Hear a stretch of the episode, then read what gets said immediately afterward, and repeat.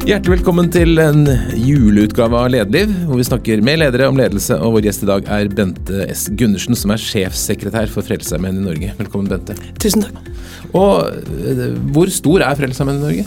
Her i Norge så er vi sånn 2000 og litt ansatte. Eh, En eh, 100 forskjellige menigheter, kirker rundt omkring.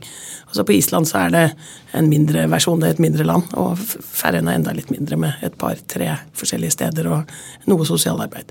Hvordan går det med Frelsesarmeen i disse landene? Jeg tror det kommer an på hvem du spør. vi, eh, Som kirkelig så er vi nok, som mange andre kirker i den vestlige verden, litt bekymra for at vi får litt færre medlemmer og strever litt mer med rekruttering enn vi syns er hyggelig. Så der er det et, eh, et område å jobbe i, og kanskje snu litt på noen steiner og se litt om boksene kan bli litt annerledes, muligens. Eh, ellers så syns jeg jo at vi er flinke, og har vært det også historisk, til å treffe behov i samfunnet og sette fokus på dem og prøve å gjøre noe med det. Så det er en sånn eh, Jeg syns det går bra. Jeg syns Frelsesarmeen har en fin plass i samfunnet fremdeles. Så har vi naturligvis utfordringer, vi også. Dere er en veldig, veldig tydelig organisasjon. Dere skiller dere fra andre. Dere går i uniform og har militære grader osv. Er det, er det Passer det i tiden? Eh, Det tror jeg også det er forskjellige meninger om, helt sikkert. Eh, Det er jo ingen som hadde funnet på det nå i dag, hvis det liksom skulle begynt på nytt, tror jeg. Eh, Samtidig så er det jo en synlighet i dette som er ganske interessant. Og så må, vi jo være litt mm, sensitive da på når passer det å vandre ut i full uniform og møte folk, og når er det greit å tone det ned litt. Grann. Det tror jeg er bra. Men vi får jo mye ut av én når vi er så synlige som vi er. Vi hadde en periode hvor vi målte omdømmet til uh, Frelsesarmeen, og da så vi at liksom i, i julen så var det veldig mange flere, eller i desember, mange flere som oppga Frelsesarmeen som en Ja. organisasjon som lå deres hjerte nær. Så det, dere, dere eier på en måte julen litt? Ja, Det er jo disse julegrytene kanskje som har vært eh, i, i mer enn 100 år nå, og som fins over hele landet og alle lo- lokalsamfunn vi er i. Så det er jo et, et, også et veldig sånn tydelig merke, og noe som gjør at folk gjerne er med og bidrar, også fordi de bidrar lokalt. Så det er en viktig Hvordan bit av fungerer det. julegryten i den digitale tidsalder? Eh, Det, det er jo ikke helt min, mitt fag, men det fungerer bra. Vi har mye gaver på VIPS, men mange av de gavene kommer fordi julegrytene står der, Mm. med VIPS-numrene og et menneske som sier takk også. Og hvis man gir penger, hva går pengene til? Da går det til eh, lokalt sosialt arbeid i julegryta.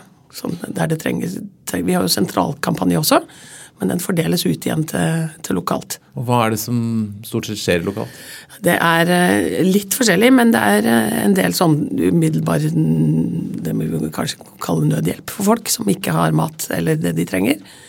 Eh, Og så varer disse pengene gjennom året, så de hjelper folk som strever, om det er med strømregninger eller dyre priser eller noe som har skjedd i, i livet som gjør at inntekten faller veldig, så er det mulig å, å få hjelp av oss ganske mange steder. Og I tillegg til at folk gir penger til det, så er det ganske mange som gir klærne sine Ja, til Fretex. gamle, gamle klær til Ja, dere. ja. Det er også viktig. eh, Det er jo en del av, av bærekraftbildet vårt også, det, altså Ja. i samfunnet. At det er en, en gjenbruksfokus. Eh, og det Fretex gjør med å resirkulere klær og sende dem ut i butikkene, og delvis noen hos oss kan jo også få rest, eh, en, en, en rekvisisjon for å gå på Fretex og få seg klær hvis det er det som mangler hos noen. da. Så er det mye eksport og sånn. Og så gir jo også en del av eh, Det fins noe som heter en tekstilavgift i Fretex sitt regnskap, og det er da den biten av, av, av gaven som Fretex får, som går tilbake til Frelsesarmeen. Ja. Men, og det, det som er litt gøy, er jo at dette har jo eh, kanskje vært bærekraft og resirkling som før man egentlig ble så veldig bevisste på det. Ja, ja, det er tidlig 1900-tall. Ja. Eh, Noe av dette de begynte med ved og papirresirkulering og, og sånne ting. Fantastisk. Så nå passer vi Akkurat nå passer vi veldig godt i, i det folk er opptatt av. Men når jeg ser deg i, i, i uniform her, så er det lett å tenke at du er liksom født inn i Frelsesarmeen, men det var ikke sånn. Nei, det var ikke sånn. Helt Fortell riktig. om din, Jeg- din reise. Ja, jeg har eh, vokst opp i et ganske sånn all, alminnelig bra og fint hjem i Stavern i Vestfold. Eh, sånn alminnelig norsk eh, kristendom med litt jul og sånn. Eh, og så bestemte jeg meg etter at jeg har blitt konfirmert altså når jeg konfirmerte meg, så bestemte jeg meg for at nå skal jeg teste om det liksom er noe i dette her eller ikke. Og, og så ble konklusjonen at det var det ikke, så da meldte jeg meg ut på, av statskirken etterpå og var Ja. en ganske tydelig ateist ganske lenge. Så jeg tror vi plagde livet av en lærer vi hadde på gymnaset, f.eks., som var kristendomslæreren vår og eh, klasseforstanderen. Og, og hva var det som fikk deg til å forlate kristendommen da? jeg ble bare overbevist om at her er det ingenting. Så da tenkte jeg det var ærlig og redelig å ikke stå i en kirke der jeg ikke trodde på det de trodde på. Rett og slett. Men så må det ha skjedd noe, da. Ja, det gjorde jo det. Eh, Jeg begynte på lærerskole på Hamar og fikk kristne venner for eh, første gang i livet. Og da mm, skrudde det litt på hvordan jeg tenkte. Så hadde vi også, jeg gikk på musikklinja på Hamar. Eh, Og det var jo et løp som var lagt opp, og inni det løpet du kunne ikke velge noe annet enn den musikken. liksom, og peden. Så inni der så lå det en kvart års enhet, som det het, med kristendom. Til min store irritasjon. Og så skjedde det noe? Og så skjedde det noe, rett og slett. Så, eh, både med samtaler med venner som noen av dem som plutselig forsvant og gikk på et bønnemøte eller noe sånt mens jeg satt igjen på kantina og studerte litt mer. Eh, og en litt annen måte å snakke om kristendom på som jeg hadde, enn jeg hadde opplevd før. da. Det gjorde at jeg syntes jeg måtte tenke igjen. Eh, så det var relativt intellektuelt ganske lenge. Men jeg hadde noen opplevelser i den, den våren i 1990, var dette her. Ja. Hvor jeg hadde en sånn Det som jeg nå kjenner igjen som en gudsopplevelse. Fantastisk. Så, så det var liksom prosessen, og så var det en bestemmelse til det. Og så kort fortalt så endte det etter hvert både i Frelsesarmeen og Men det viktigste var jo en, et gudsforhold og en kristen tro. Da. Men det er jo ganske spennende å gå fra å være liksom aktivt eh, ateist til å gå inn i Frelsesarmeen. Hvordan havnet du i Frelsesarmeen? Eh, jeg tror sånn med ateisme og tro, altså ikke-tro og tro, så tror jeg noen ganger det er nærmere mellom en bevisst ikke-tro og en faktisk tro enn det er fra en litt sånn det er ikke så farlig eller Ja. eh, sak. Men Frelsesarmeen havna jeg i fordi jeg gikk litt sånn rundt fra sted til sted på Hamar og fant ut, prøvde å liksom finne ut om jeg hørte til noe sted. Så når jeg kom tilbake igjen til Frelsesarmeen, så var det en veldig sånn tydelig følelse at her er jeg hjemme, og her skal jeg være. Så da ble det sånn. Og så ble det etter hvert ditt arbeidssted. Ja. Eh, Hvilke roller har du hatt? Du har vært ute og reist? Jeg har vært ute og reist. Jeg har jobba noe i Norge til å begynne med, etter offiserskolen. Vi har en egen sånn lederutdanning. Eh, noen lokale biter i Norge, og, litt, og en, et strekk på vår offiserskole her i Norge, som da er vår pastor- og lederutdanning. Eh, og så har jeg vært i Kongo og Zambia og Rwanda. Og jobba med offiserskolebiter der også. Spennende. Veldig. Og veldig forskjellige land. Hvordan preget det deg? Det er et godt spørsmål. Det er noen ganger så spør folk hva er, er, hvor forskjellig er det, liksom. Ja. Jeg synes det er et vanskelig spørsmål, egentlig. For det er jo sånn på overflaten veldig forskjellig, og det er kultur du må finne ut av og, og sånn, men samtidig så er det altså Frelsesarmé-biten er gjenkjennelig der man kommer mer eller mindre. Mm. Men så er det jo mennesker overalt, da. Og de er sånn på bånn relativt like, egentlig, selv om vi tenker litt forskjellig om noen ting, da. Og siden det er ledelse vi snakker om her, Hva er hovedprinsippene som man lærer om ledelse på offiserskolen? Det er noe som heter eh, tjenende lederskap, som jo også er en, eh, en, en sånn vanlig teori, som kanskje er eh, den byggende delen av det, da. Hva ligger i tjenende lederskap? Det ligger jo i en, en eh, Det ligger relasjon, naturligvis, og det ligger eh, en lite bossy eh, tilnærming. At man er som leder, så er man en, en tjener eller noen som legger til rette og får til å vandre sammen med de man er leder for. Så selv om du må, må si, har en, en militær eh, innpakning, Ja. så, så er det ikke en veldig militær form for ledelse? Nei, så tror jeg nok at strukturene våre ikke alltid hjelper oss til å oppnå tjenende lederskap, for vi er veldig hierarkiske i struktur. mm. Og for så vidt også i rang. Altså, så det understrekes jo dette. Eh, Men altså sånn verdimessig og ledelsesmessig, og knytta til det vi tror på og tror er viktig, så er det tjenende lederskapet en Syns jeg i hvert fall en god beskrivelse og en god ramme for oss. Er det, Leder man på samme måte i Afrika som man gjør i Norge? Um, ja, de- ja, altså de har en større uh, I hvert fall en større ytre respekt for autoriteter eh, som en del av sin kultur. Men uh, du trenger den indre respekten også for at du virkelig skal få noe til. Da. Og der tror jeg fremdeles at en tjenende innstilling faktisk er ganske fin. Hva var motivasjonen din for å reise til Afrika?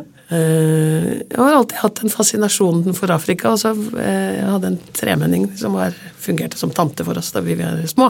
Som uh, jobba for fredskorpset i Zambia i veldig mange år.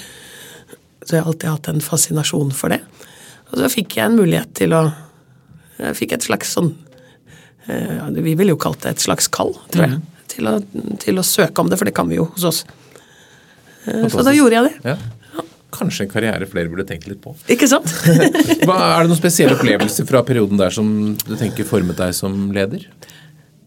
Ja, kanskje som menneske. Jeg husker eh, 22. juli. Eh, da var jeg i Rwanda. Mm. Eh, eh, og, og, så er det jo Og i klasserommet da, sammen med de som var studenter da, så, så, ville de be for Norge og det som hadde skjedd. Og de hadde jo da en folkemordshistorie i Rwanda som de Eh, klarer å leve med på et ganske forunderlig vis. Mm. Eh, men det var, eh, det var en sånn et sånn tydelig blikk inn i deres måte å håndtere dette på, når en av dem formulerte i bøndene sine at, de, at man, de ba for ofre, og de var, ba for de som var berørt, for de som skulle hjelpe, men også for gjerningsmannen. Og det var helt naturlig å be for den som hadde gjort noe så grusomt også. Ja, for det er et interessant land for Rwanda. Det er vel kanskje liksom en av de mest råeste de konfliktene de hadde. ja, håper å si De drepte hverandre i, i hopetall på en ja. veldig kort periode. Ja, ja. Hvordan, hvordan, har de klart å komme videre etter det? Eh, nå tror jeg, jeg tror alle som ikke er en del av det, og, og, og som kommer bare inn nå Jeg har bodd mm. der i fire år, så jeg har fått noe med meg, men, men jeg er litt sånn ydmyk på å ikke tror ikke jeg har hele sannheten på det, mm. men en av tingene jeg tror er viktig for dem, det er jo at Rwanda er et veldig lite land. Det er omtrent like stort som Hedmark fylke var. Og det bor eh, ja, mange mennesker der. Mm. Eh, så de var jo nødt til å finne ut av hvordan de skulle gjøre dette. Og det er også sånn i Rwanda at det er ikke stammedelt på regionen, liksom, at noen bor i den enden og noen bor i den enden. Men disse klanene, eller stammene som noen har kalt det, da, mm. hutuer og tutsier, mm. de bodde i de samme landsbyene og på de samme stedene. Så folkemordet traff jo liksom midt ned i hverdagen til, til folk. Um, og samtidig, hvis de skulle videre, så levde de jo fremdeles sånn. Mm. Eh, så de har en, en veldig sånn De hadde en eh, sånn prosess som de kalte rettferdighet og forsoning. Så det var både en rettsprosess, men det var også en forsoningsprosess. Så vi fikk ledere i Rwanda fra Ghana eh, mens jeg var der. Mm. Og de plukka opp dette ordet forsoning, for det er viktig for rwanderne. Og de har klart noen sånne, det er noen ekstreme forsoningshistorier der. Men de stilte spørsmål ja, er det, kan vi være sikre på at denne forsoningen liksom er ekte, om den virkelig mm. sitter i hjertet til folk. Eh, og da svarte en av kollegaene mine der at ja, men vi tenker ikke sånn på det, vi har ikke noe valg. Forsoning er en Vi velger forsoning. Mm -hmm. For å kunne leve videre så må vi velge å leve forsont med hverandre. Og så var det, så var det også rom for på en måte og, og forståelse for at ikke alle klarte det. Og da fant man løsninger på det også. Så det er ganske, ganske sterkt. Det er ganske imponerende, egentlig. Ja, ja, jeg syns det. Har det noe du har tatt med deg videre derfra hjem? Ja, jeg, jeg, tenker at det er eh, ganske spennende og en fin ting å ha med. At man kan velge noe som det er lett å karakterisere som en emosjonell eh, bit av oss, og det er det jo også. Men at vi kan velge bevisst. Eh, å, være, å, leve med hverandre selv når noe ekstremt har skjedd mellom mennesker. Mm. Eh, ja. Det passer jo fint den kristne troa også. Men du har da klatret helt opp i toppen av, av Frelsesarmeen Norge. Det er en stor virksomhet. 1800 ansatte, tusenvis av medlemmer. To milliarder, to milliarder omsetning. Mm. Altså det, det, uh, det er svært. Ja, det, du hadde ikke sett for deg dette? Nei, ikke i det hele tatt. Jeg, Hva er det du tenker som har gjort at du har fått så mye tillit? Nei, Det vet jeg faktisk ikke helt. Eh, jeg tenker at jeg har eh, Jeg er ganske god på å ha, oversikt over ting.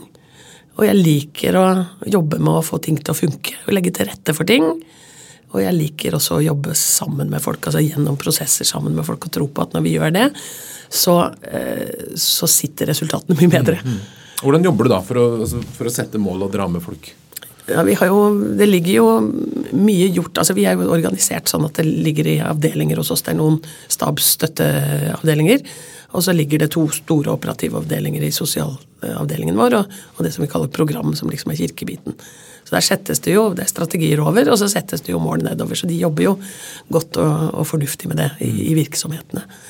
Uh, så det handler jo relativt mye om å gå sammen med, eh, legge til rette for at ting kan besluttes når det skal besluttes, og, og oppmuntre og støtte og, og, Mm. og være med i det. Er Så jeg tror på å jobbe sammen med lederne, altså. Ja. Ja. Veldig mange av de som vi har her, er jo, snakker om endringer og forandringer, Ja. mens dere fremstår jo, i hvert fall fra utsiden, som ganske sånn stabilt. Ja, ikke sant? er, det, skje, skje, er det noen store endringer på gang i Frelsesarmeen? Er, det- er det en endringsreise, eller er det bare business det- as usual? Jeg, Nei, jeg tror, eh, jeg tror det er egentlig konstante endringsreiser. Vi er litt sånn, eh, De forskjellige virksomhetene våre i sosialtjenesten må jo forholde seg til Det er en del som er offentlig finansiert, eller ganske mye. Og de må jo forholde seg til et slags regime der vi treffer på det det offentlige vil ha, og der vi tilbyr tjenester som vi tenker det er viktig å tilby. Så der er omstillingsevnen og innovasjonsmuligheten og, og sånn her er en kjempegod kultur for å treffe og jobbe med det. Mens vi på menighetssiden vår er, er litt, litt eh, Vi har ikke kommet helt til hva skal vi gjøre, og hvordan skal vi gjøre det. Det har jo også noe med at dette er mye verre å sette målbare mål på. Ikke sant? Å jobbe med liksom Finne disse kvalitative målebitene, da.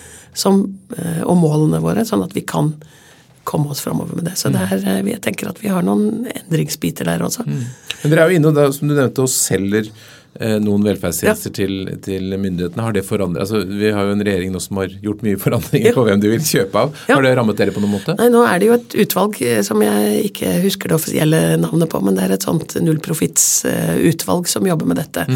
Vi er jo opptatt av at eh, de Vi tror virkelig eh, på den modellen vi har i Norge, hvor det jobbes sammen med altså stat ideelt og kommersielt for den saks skyld jobber sammen med å tilby de tjenestene man trenger. Så vi, vi er jo opptatt av at eh, det mer eller mindre ideologiske som sier at staten bør gjøre det meste, ikke, ikke blir så stramt at det stenger for de mulighetene som ideelle tilbyr. Um, så jeg tror ikke vi har sett noen konkrete resultater ennå. Det er jo noen flytt i statsbudsjettet og sånn, hvor noen øremerking er tatt bort og man får en pott. Så det er jo klart at det gir en bekymring.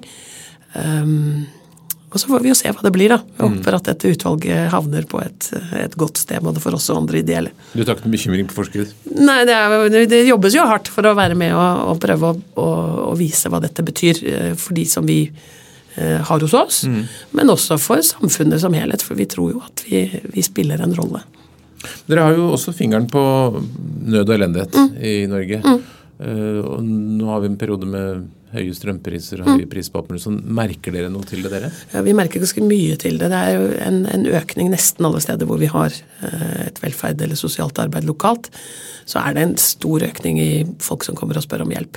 Og det har nok denne økningen i alle disse tingene har nok truffet sånn at de som hadde det de klarte seg veldig, veldig akkurat, men det gikk greit. De klarer seg ikke lenger. Så det har truffet en, en, en ny gruppe også.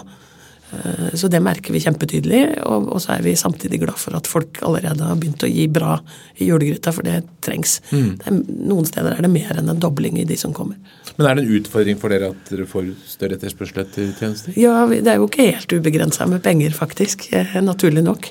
Så vi er avhengig av at folk eh, og næringsliv og de som kan, bidrar også. Hva er det dere kan hjelpe folk med? Det blir jo, altså De kommer til oss med, med helt sånn umiddelbare ting. Til jul så handler det jo om å ha en, eh, litt mer mat til jul enn eh, og litt mer til feiring, og det er litt julepresanger til barn. og Sånn er det mange som driver med, enten via Ønsketre, noen ganger i samarbeid med andre organisasjoner. Så det at folk kan ha en jul som gjør at det kjennes ut som jul, og ikke er eh, man ikke må si at dette får vi ikke til. Det er jo viktig for oss i jula, naturligvis. Er det noe sted man kan feire jul hos dere òg? Eh, Ja, lokalt så er det forskjellige, forskjellige steder, så det går an å sjekke lokalt. Det er ikke alle som har det, men noe i jula er det alle steder. Er det litt gøy på en måte? Altså når, når, når jeg tenker på at eh, når man driver med nødhjelp og vanskeligheter, at, at det plutselig er etterspørsel etter tjenesten, er det, gir det en driv i organisasjonen? Ja, det er jo Nei, de er alltid der. Altså, det er alltid folk som trenger vår hjelp. Så nå er nok økningen nå er jo både en, en utfordring økonomisk, men det er jo også en utfordring ressursmessig på menneskenivå. Så de som Men skaper det motivasjon? Ja, det tror jeg det gjør. Men det er klart det skaper nok eh, sånn i etterkant litt slitne folk også. Ja. Så det er en, en, en bit der. Så det er mye, veldig mye god innsats som gjøres lokalt nå. Til å liksom håndtere noe som er dobbelt så stort som det pleier å være.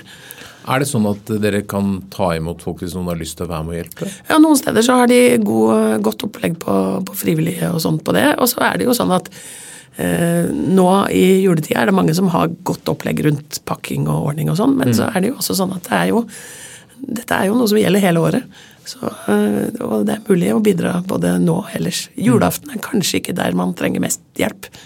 Ofte. Men i, i dette så er det sånn. Julegrytevakter er populært. Ja. Så frivillig bit, så hvis noen har lyst, så er det sikkert plass. Akkurat nå er det et svinekaldt i Oslo. i. Ja, det er du, skal, godt, du skal ha gode støvler hvis du skal Ja. stå julegate. Heldigvis inne på noen kjøpesentre her og der. det er veldig bra. Um, Det har jo vært en, hvis vi ser over tid, en litt sånn endring i, i um, respekten og, og tilliten til kristne organisasjoner generelt, og hvor, hvor liksom legitimt det er å, mm. å synes Ja. som kristen. Da. Ja. Opplever dere det? At det, er, at, det, at det er tyngre å få folk til å stå frem som kristne og som frelsesarmésoldater? Det, vi har i hvert fall rekrutterings, en rekrutteringsutfordring.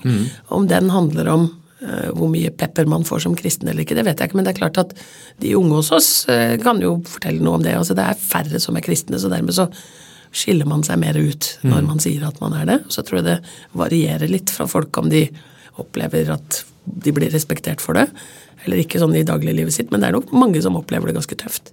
Er det mange av deres folk som får negative tilbakemeldinger på gata?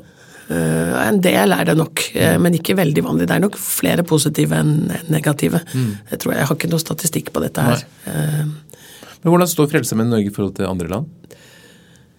Ja, i, I Europa så står vi nok relativt sterkt. Eh, kommer litt an på hva man sammenligner med. Vi er en grei, stor frelsesarmé sånn sett. Eh, Men vi, vi lever nok i den samme kristne virkeligheten i Norge som det andre gjør. Altså, Det er en mindre og mindre del av befolkningen som er kristne, og dermed så blir vi ikke vet jeg, mer og mer eksotiske. Og noen ganger, i hvert fall på sosiale medier, eh, fryktelig lett å ta. Hva Så tenker er du når når du ser den typen kritikk og sånn? jeg, jeg tenker at jeg, jeg har jo vært ateist selv, da, så jeg har forståelse for at folk mener noe om kristendommen.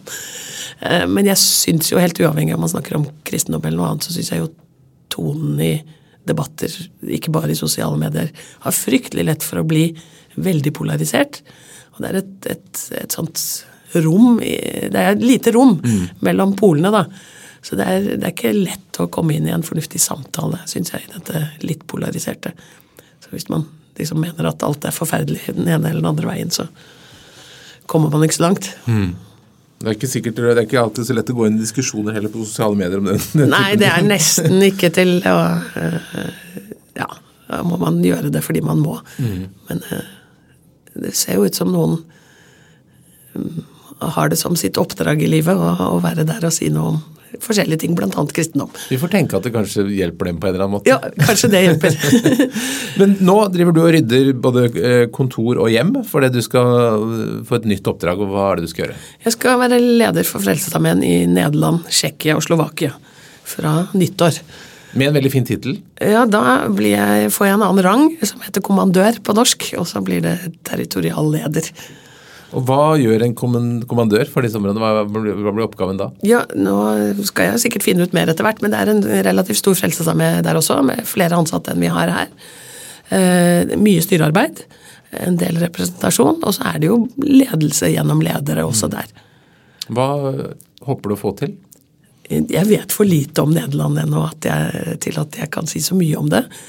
Eh, Men det er jo viktig for enhver frelsesarmé også der og å beholde og utvikle den plassen man har i samfunnet. Og så tror jeg at eh, utfordringen med å være kirke i, det samfunnet vi lever i i dag, også fins der. Der har de allerede gjort noen fine grep, tror jeg. Og eh, de har noe som heter Tro i nabolaget. Som er, er spennende, en spennende, et spennende konsept og prosjekt. Hva er det? Jeg tror de har Det vet jeg veldig Nei, ja, lite om, men, det- det vet, ja. men, men de har eh, noen steder hvor de har starta opp eh, sånn litt på tvers-opplegg mellom det sosiale og det kirkelige. Og laga noen steder hvor folk kommer og møter en tro og møter et samtalested og møter et rom da, som de kan, kan komme inn i og møte både det kristne og det omsorgsfulle. Når du da kommer til en helt ny organisasjon, da, selv om Ja. det er jo samme bedriften, Ja. for å si det Ja. sånn, hvordan, hvordan tenker du at du starter for å bli, etablere deg som leder? Det, er, det blir jo ganske fort en, en, eh, en del samtaler med de som er ledere, rett og slett. Så begynne å bli kjent med dem og høre hva de er opptatt av. Og, og snakke forventninger, både, både, fra meg og fra dem. Mm. Hvordan ønsker du at de skal oppleve deg som leder? Jeg tror jo jeg ønsker å være tydelig. Jeg syns at godhet og vennlighet er, en, er, fine ting å ha med inn i lederskap, uten at, uten at det betyr at man lar seg drive med i noe som helst slags sted. Så jeg tenker det. Og så uh, at de får en leder som ikke bruker lang tid mm. på å ta beslutninger hvis det trengs. Vi er jo også et lederteam, altså det er leder, en ledergruppe som sitter der, uh, som jeg også skal lede. Mm. Hvor mye betyr Eh, religionen og, og, Bibelen i og for seg i lederopplæringen? Altså, er, er Bibelen en bra ledelsesbok? Jeg, tror det er forskjellige meninger om det også, men jeg, altså Jesus som forbilde, da. Ja. Der er det jo noe å hente, og det ligger jo når man tar Hva var bra med Jesus nå? Ja, han har gjort det, han har markert seg. Ja. Han har markert seg litt. Han har det. Eh, hvis vi snakker eh, sånn relasjonsmessig, ja. så, så, er det jo noe med han som gjør I menneskemøtene hans så er det mye fantastisk. Han møter mennesker på en helt fantastisk måte med, med stor åpenhet og stor respekt.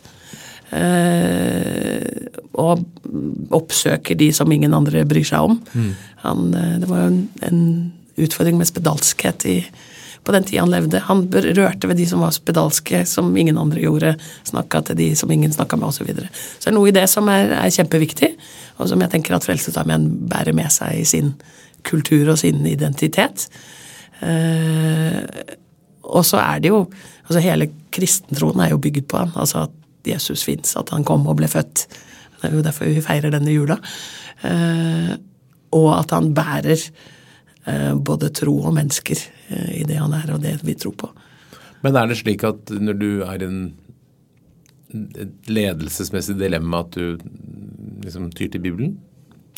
Nei, ikke sånn direkte. Jeg tror det er, For meg er det i hvert fall vanskelig å finne direkte biter. Det fins jo eh, parallelle historier man kan bruke. Det er noen gammeltestamentlige biter som, som er interessante. Mm. Men for meg så handler det mer om min personlige relasjon med Gud. Da, at jeg meg, ta meg tid om dagen til å ha min egen bønnestund, min egen stille stund med Gud. Mm. Og tenker at siden jeg tror på at Gud er overalt og i alt, så tenker jeg at han har en plass i meg og gjør noe med meg også. Gjør du det lettere å være leder? Um, jeg vet liksom ikke forskjellen igjen, ja, men jeg tror det. jo, du har prøvd uten. Men du var ikke leder da du var trist? Nei, nei, nei ja, men jeg, jeg opplevde jo det. Jeg opplever at jeg blir romsligere og roligere og mindre stressa mm. uh, når jeg har Eh, grei fokus på forholdet mitt til Gud også. Hva syns du er vrient ved å være leder? Eh, jeg syns det er, i hvert fall i de rollene jeg har hatt, så syns jeg det alltid er litt for mye til at jeg får til det jeg skulle ønske. Mm. Også i, i oppfølginga av ledere. Så tid, rett og slett? Tid og ja, ressurs. Og, det, og du får en sånn prioriterings, eller jeg får en prioriteringsbit, da. Sånn at det som ikke stikker hodet sitt opp, kan noen ganger komme litt langt ned på en liste. sant? Så det blir ikke tid til å snakke med spedalske? Sånn, eller komme seg ut Nei, der, der tenker jeg at uh, vi er heldige da, som, når jeg får være i en organisasjon som har disse berøringspunktene med folk som sliter, så er jeg jo med på et lag mm. uh, som gjør noe av dette. Så det er jeg glad for. Skulle du ønske at du kunne være mer ute selv? Jeg trives egentlig med tilretteleggings- og, og ledelsesbiten. Gjør det, mm. altså. Men veldig glad for å gjøre det i en veldig meningsfull sammenheng. Hva betyr julen for deg? Julen betyr eh, litt fri og litt god mat og litt familie. Mm. Og, og, tid til å, å, fordype meg litt i, i budskapet også. Så det er en sånn god kombinasjon, syns jeg. Mm. Vinter og lys og ja. Det er noe veldig fint med jul. Det, ja, det er en fantastisk tid. Det er vanskelig å beskrive, egentlig. Det er, sånn, det er mye følelse. Ja. Hadde du julefeiring i Afrika òg? Ja, ja, ja, nei, jeg var ofte hjemme på ferie til jul, så det var deilig. Så dere vet ikke hvordan den afrikanske julen foregikk. Men uh, når, når uh, føler du at du liksom virkelig lykkes i den jobben? Når vi kommer til enden av prosesser og prosjekter, og alle er fornøyde og syns det er spennende å gå videre Vi har hatt en strategiprosess som, som har vært, syns jeg i hvert fall, vellykka, og som nå er i, i i lokal eh, funksjon her og der. Mm. Eh, veldig spennende. Å være med på en, en, jobb og komme til enden av det og oppleve at folk er fornøyde, at man kan gå videre og at en begynner å, å, å sette spor etter det, syns mm. jeg er veldig fint. En ting som, som, jo har gitt dere litt negativ oppmerksomhet over, sånn hvis vi ser over nå, det, er jo Frelsesarmeens forhold til homofili. Mm. Og homofile ikke får lov å tjenestegjøre uniform. Mm. Er det fortsatt slik, og skjer det noe på det eventuelt? Det er fortsatt slik. Dette er jo en internasjonal eh, organisasjon som har internasjonale regler på det. Vi opplever jo at dette er krevende i norsk kontekst, og samtidig så øh, så utfordrer det dette spennet mellom det å være kirke og det å være øh, en god ideell aktør, da, som, mm. som, vi, som jo har og vil ha og vil møte folk med respekt for det de er, uansett hvem de er. Det er vi jo tydelige på. Så det er klart det er en, en spenning her som er vanskelig i det norske samfunnet. Men ser du for deg, er det noen bevegelse? Kan dette se annerledes ut om noen år? Um, det vet jeg ikke. Jeg vet i hvert fall at altså, Det er i hvert fall en sak som snakkes om, mm. um, og må snakkes om. Og så snakkes det forskjellig om den naturligvis i Uganda og Norge, for det er, det er liksom ekstreme strekk i hva som er hva som er problematisk eller utfordrende når det gjelder dette. Da. Mm. Det er viktig for oss å si at eh, det er jo uniformen som begrenser, altså det å være soldat eller offiser. Ellers så er det jo ingen begrensning på ansettelse eller hvem som kan være frivillig, eller hva det måtte være hos oss. Men, men det tar jo ikke vekk den spenningen, altså. Er det mm, si, homofile som er komfortable med å være med i organisasjonen? Ja, ja vi som er ansatt og frivillige, mm. det er det. Men det er klart at de bærer kanskje en Eh, en større byrde ved det enn en vi som ikke er det, da. Mm. Det tror jeg faktisk. Så, så vi er veldig, jeg er veldig takknemlige for at noen vil, selv om eh, det synspunktet er hos oss, da. Mm. Men det, det, utfordrer også dette kirkelige, da. At kirkene selv skal eh, få lov til å bestemme hva som er greit og ikke greit. Så det er sånn, På sånn prinsipielt nivå så er det også et interessant spørsmål inn mot religionsfrihet og kirkenes rett til å bestemme over seg selv. Og så er det samtidig et, ordentlig utfordrende område sånn samfunnsmessig og, og, og menneskelig. Mm. Er det tilsvarende ting som har vært eh, altså, som, barrierer som har vært tidligere, som har blitt brutt og blitt endret? Ja, altså Skilsmisse er kanskje en sånn klassisk ja. Eh, bit på det, da, og det har jo blitt endret hos oss. og om det, om det, er sammenlignbart på prosess, det vet jeg faktisk ikke. Hos oss har det jo Kvinnelige forkynnere har jo aldri vært en utfordring hos oss. Nei. Det har det vært eh, ledere og forkynnere som er kvinner, har det vært fra begynnelsen av. i Kjemperadikale ja, ja. fra sånn 1870-tall, ikke sant. Det har jeg ikke tenkt på. Ja, så, der, eh, så vi, er, eh, vi, er, litt sånn uh, annerledes på det. Foran på noe, bak på, på andre ting. Mm. Hvilke endringer i samfunnet er det som tenker, du tenker kommer til å påvirke Frelsesarmeen mest i årene fremover? Noe, altså, vi er jo bygd opp på en, en måte i det kirkelige som, som, krever et høyt engasjement, på en måte. Og det har jo forandra seg. Altså, mm. Folk engasjerer seg ikke eh, med tiden sin på samme måte som de gjorde før. Eh, du, det er ikke så veldig mange nå som er med i noe i 50 år og er helt happy med det. Det er mer sånn eh, prosjekt- eller mm. oppgavefokusert. Mm. Så det, det, er en endring som er, og som vi må finne litt ut av eh, fortsatt. Så har du jo hele digitaliseringsbiten og sånn, så man må være med da, her. Og så er det spennende å se om det som eh, eh, noen tror er en samfunnsutvikling som er ganske lineær, at bare kristen tro kommer til å bli mindre og mindre og mindre. og mindre, mm. At det er en naturlig utvikling, faktisk er en riktig, eh, en riktig profeti, for å bruke et sånt ord. Eh, jeg tenker at sånne historiske lineære linjer kanskje ikke er så veldig lineære likevel. Og at uh, det fins et rom for tro og undring. Mm. Uh, uansett hvor mye organisert tro og undring det, det fins. Så her er det jo et rom som, som jeg tror Frelsesarmeen må, må også være i å gå sammen med folk og mm. ta noen prater. Men dette med mm, at folk ikke vil forplikte seg så mm. mye, hvordan løser dere, eller hvordan møter dere det? Ja, det, det, er jo flere ansatte lokalt her og der, og jeg tror også at det betyr at noen av de som jobber lokalt, for, som er korpsledere eller prester hos oss, da, mm. Uh, har eh, veldig mange ting å gjøre som kanskje ikke er bare kjerneoppgavene deres. Så der ligger det en utfordring å finne ut av det. Ting som tidligere ble løst av frivillige, må dere nå løse med ansatte? Ja, mm. Tror det til en viss grad. Eller med at folk strekker seg litt for mye. Mm. Og så betyr det jo også at man må nedskalere aktiviteter. Og det er jo ikke det vi har lyst til, egentlig. Og digitalisering, da, som du også nevnte, hvordan påvirker det dere? Ja, Vi har eh, den siste jeg vet ikke, siste ti, men kanskje fem hatt en ganske sånn stor digital reise på systemer og sånn. Mm -hmm. Og det tar jo tid å komme ordentlig i gang. Uh, og fryktelig mye tid til å få disse systemene til å snakke ordentlig sammen. Men det tror jeg alle vet som, som jobber med digitale systemer. Men i menneskemøtene så vil det fortsatt være primært eh, fysiske? Jeg tror det er en, en viktig bit å, å, være til stede. Eh, og kanskje ligger det en, en, god, en god utfordring eller en god, en god ting å sikte på for oss i det å ikke glippe på menneskemøtene. Mm. Både lokalt og, ellers. Det, det, tenker jeg at der har vi noe å tilby, mm. sannsynligvis.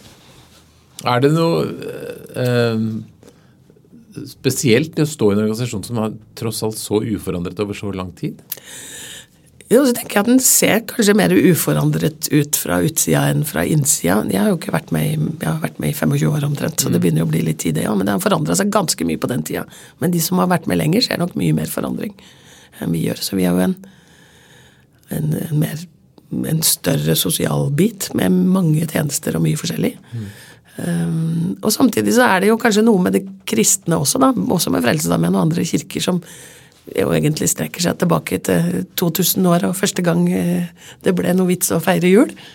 Så det er noe uforanderlig i det også som vi også må være med oss og også ha en viss respekt for, syns jeg, når man skal ha endringer. Mm. Så du, du, bærer liksom med deg noe, noe evig midt oppi det som forandrer seg så fryktelig fort.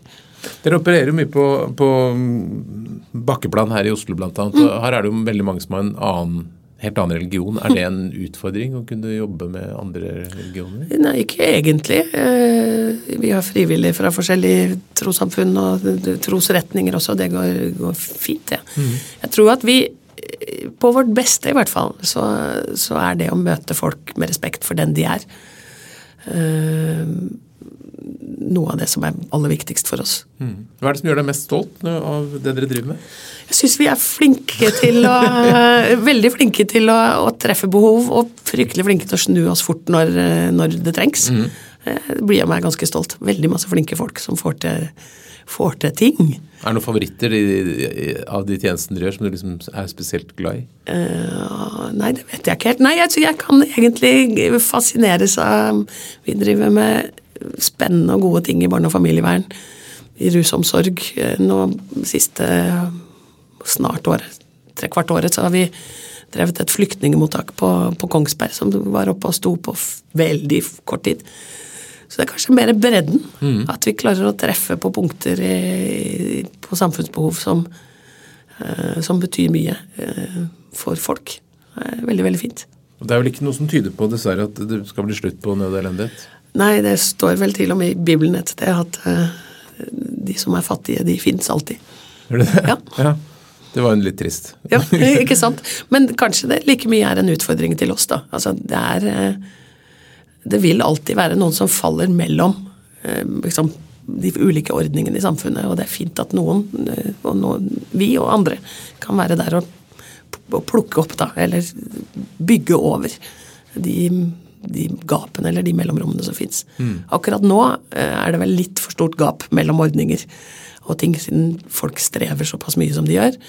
Men vanligvis er, funker jo det norske samfunnet godt. Men selv når de gjør det, når det er så bra som vi har det i Norge, så er det folk som liksom er i en situasjon som gjør at de detter imellom.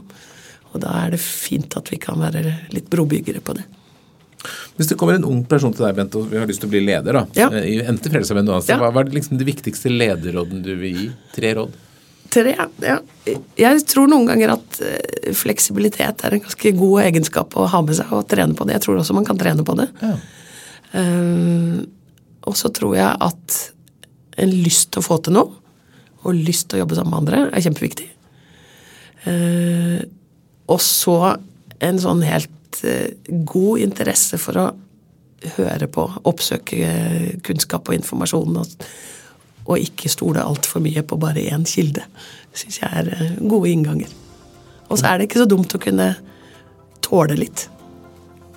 Og dette er ting du tar med deg til den nye jobben din? Det, det, tror jeg jeg må. ja.